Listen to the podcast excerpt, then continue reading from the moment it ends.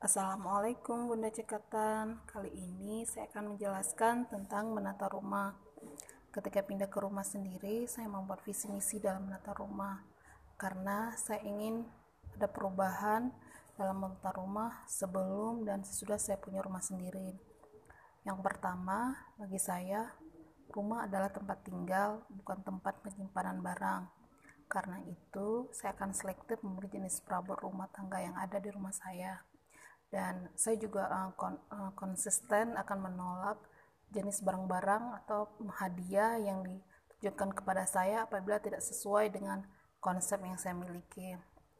Yang kedua, tentukan tema rumah. Misalnya, Bunda ingin rumah yang minimalis atau Bunda ingin rumah yang vintage atau Bunda ingin rumah model yang lain, uh, silahkan saja. Tapi tetap stick untuk model yang sudah anda ingin bunda inginkan apabila berubah-berubah maka akan membuat anda, uh, bunda kok tidak konsisten dan akan menimbun barang yang ada.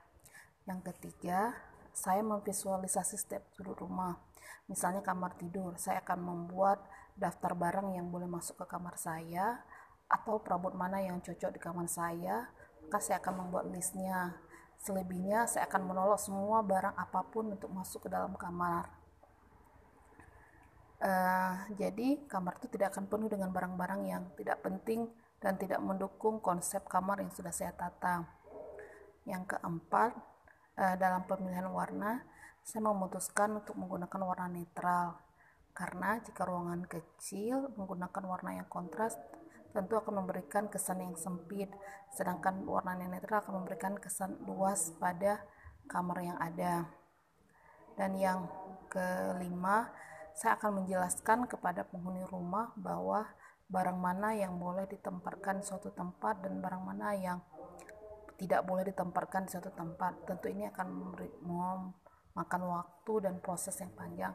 Tetapi jika kita konsisten, uh, maka akan kelihatan hasilnya. Demikian ya Bunda. Assalamualaikum.